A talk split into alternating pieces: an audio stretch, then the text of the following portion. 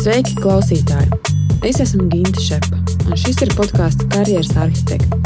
Tavs ceļvedis ar praktiskiem padomiem un metodēm darba dzīves situācijām, kad piezogas jautājums, un ko tālāk. Tās būs sarunas ar cilvēkiem no dažādām industrijām, par viņu karjeras ceļiem, dažādiem veidiem, kā cilvēki realizē sevi, un pāris praktisku padomu no manis saistībā ar karjeras attīstību. Karjeras arhitektiem var sekot arī Facebook un Instagram. Tur es mēdzu padalīties ar vērtīgiem resursiem saistībā ar karjeras attīstību. Sarunās ar vairākiem podkāstu viesiem esmu vaicājusi, kas ir viņu veiksmes pamatā - talants vai neatlaidīgs darbs. Un visi kā viens ir atbildējuši, ka tas ir neatlaidīgs darbs.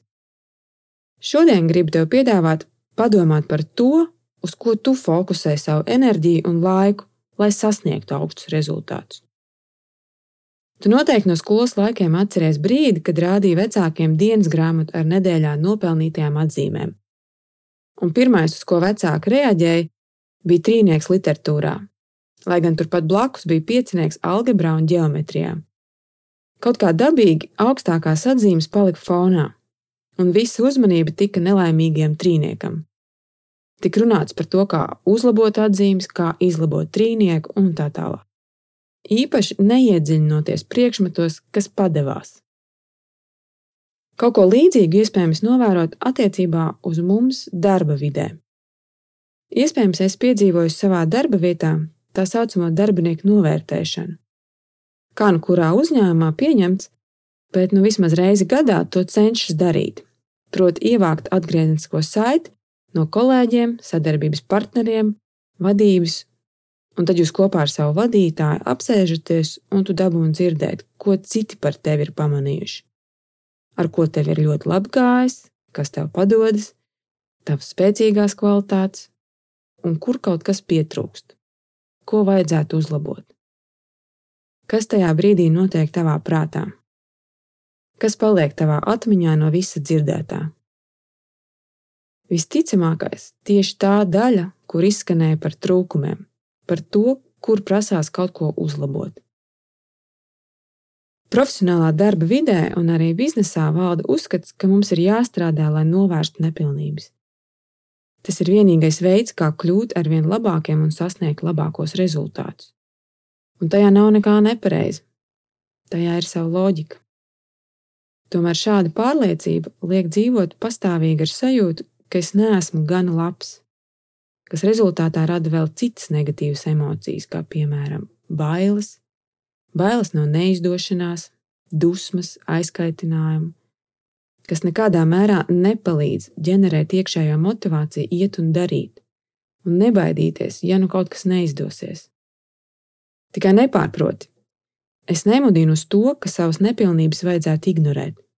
Tieši otrādi Mēs varam būt daudz efektīvāki, apzinoties sevi, gan savas stiprās puses, gan nepilnības, bet netērēt visu enerģiju uz to, lai tās pa visām varītēm tiktu izlabotas. Ja būsim godīgi, ja tu kaut kur esi vājš, mēģinot kļūt labākam, tu vari sasniegt viduvēju līmeni. Bet vai tu gribi būt viduvējība? Domāju, ka nē. Tad ko darīt?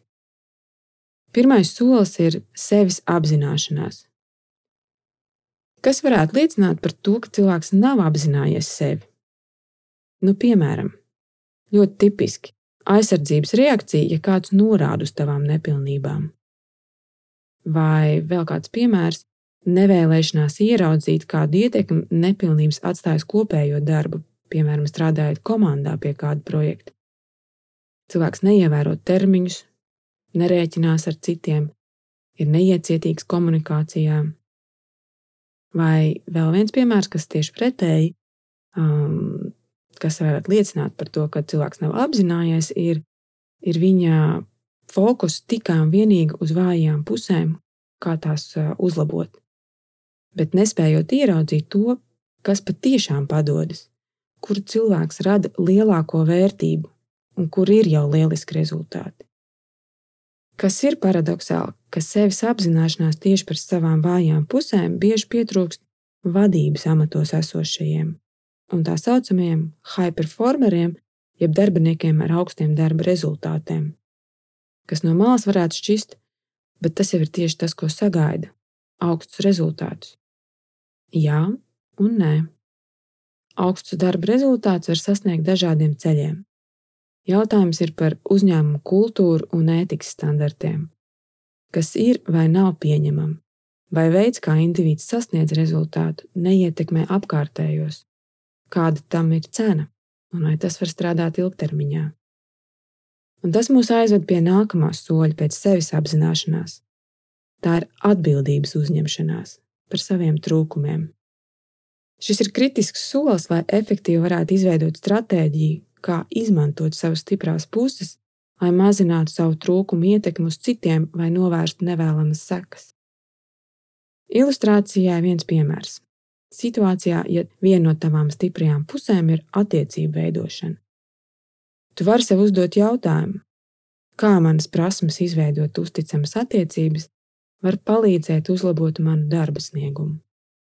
Šis nav jautājums, uz kuru varēs atbildēt pāris sekundēs. Jautājums prasa reflektēt un meklēt atbildes dziļāk. Bet tieši tas ir veids, kā ar savu stipro pušu palīdzību var apiet trūkums. Vai vēl viens piemērs. Ļoti uz rezultātu vērstiem cilvēkiem trūkst prasmes klausīties. Sarunā viņi mēdz būt ļoti dominējoši. Ja tas ir par tevi, tad vari padomāt, kā mana mērķtiecība var palīdzēt man labāk sadzirdēt otru pusi. Vājās puses ir neatņemama mūsu attīstības daļa. Tas ir līdzīgi kā baltais bez melnā nevar būt balts. Bet vājās puses reti, kad var pārākt izcilībā. Vājās puses mēs varam tikai apzināties, uzņemties atbildību un apieties gudri ar tām. Savukārt, attīstīt dabas to, to talantu, jeb stiprās puses, gan ir bezgalīgas iespējas.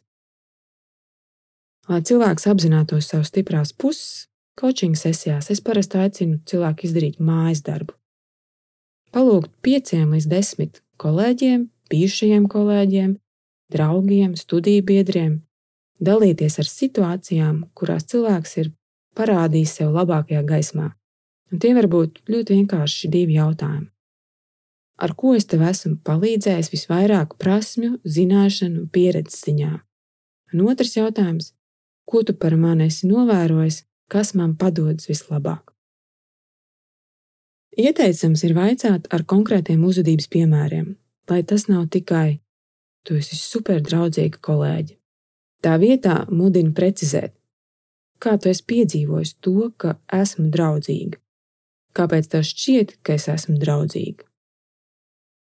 Tādā veidā, iegūstot atgrieznisko saiti no citu pieredzes ar tevi, tev veidosies jau vesels stāsts. Nākamais solis ir meklēt kopīgās iezīmes, jeb patērnus, kas stāstā atkārtojas.